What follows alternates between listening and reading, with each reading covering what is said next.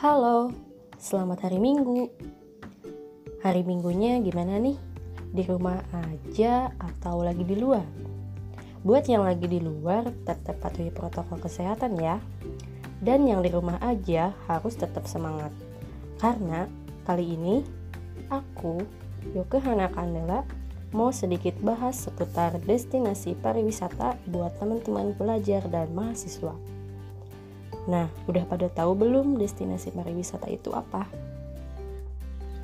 Menurut Undang-Undang Nomor 10 Tahun 2009 tentang Kepariwisataan, daerah tujuan wisata yang selanjutnya disebut sebagai destinasi pariwisata adalah kawasan geografis yang berada dalam satu atau lebih wilayah administratif yang di dalamnya terdapat daya tarik wisata, fasilitas umum, fasilitas pariwisata, aksesibilitas, serta masyarakat yang saling terkait dan melengkapi terwujudnya kepariwisataan. Destinasi pariwisata itu sendiri di Indonesia tersebar menjadi 50 kawasan yang lima di antaranya terdapat di Jawa Barat. Ngomongin destinasi pariwisata nih, gak lepas dari yang namanya daya tarik wisata.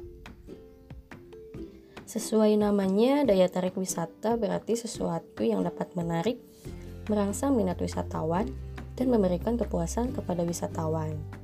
Sebenarnya DTW itu apa sih? Kok bisa menarik wisatawan? Daya tarik wisata adalah segala sesuatu yang memiliki keunikan, keindahan, dan nilai yang berupa keanekaragaman kekayaan alam, budaya, dan hasil buatan manusia yang menjadi sasaran atau kunjungan wisatawan. Selanjutnya, aku bakalan bahas apa aja yang termasuk dalam bidang usaha daya tarik wisata yang bisa jadi referensi buat teman-teman semua. Ada tujuh nih. Yang pertama, usaha pengelolaan pemandian air panas alami. Contohnya pemandian Sabda Alam Garut, Ciater Subang, Ciwalini, Cipanas Nagrak Parongpong, dan masih banyak lagi. Cocok nih buat teman-teman yang pengen istirahat sejenak dari aktivitas sehari-hari. Kedua, ada usaha pengelolaan goa.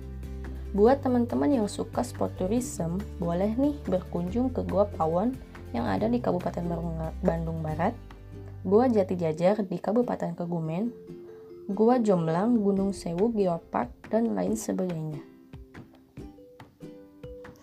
Tiga, usaha peninggalan sejarah dan purbakala yang semasa sekolahnya belajar sejarah sih pasti tahu ya tempat yang satu ini. Iya, situs purbakala Sangiran yang ada di Sragen, yaitu tempat ditemukannya manusia purba Meganthropus paleojavanicus.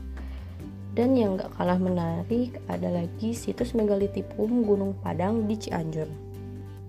4. Usaha pengelolaan museum. Beberapa di antaranya ada Museum Geologi Bandung, Museum Geopark Balur Bali, dan Museum Tsunami Aceh.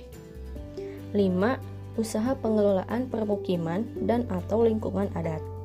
Teman-teman penikmat budaya dan adat, ada suku Baduy di Lebak Banten, Kampung Naga di Kabupaten Tasikmalaya, dan Kampung Adat Praijing Kabupaten Sumba Barat. Yang keenam ada usaha pengelolaan objek ziarah. Pasti udah pada tahu nih Candi Borobudur dan Candi Prambanan.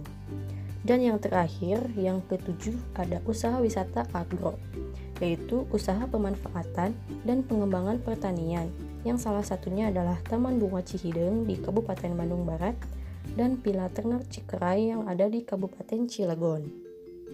Sekian dari seputar destinasi pariwisata. Terima kasih telah mendengarkan podcast pertama saya. Sampai jumpa.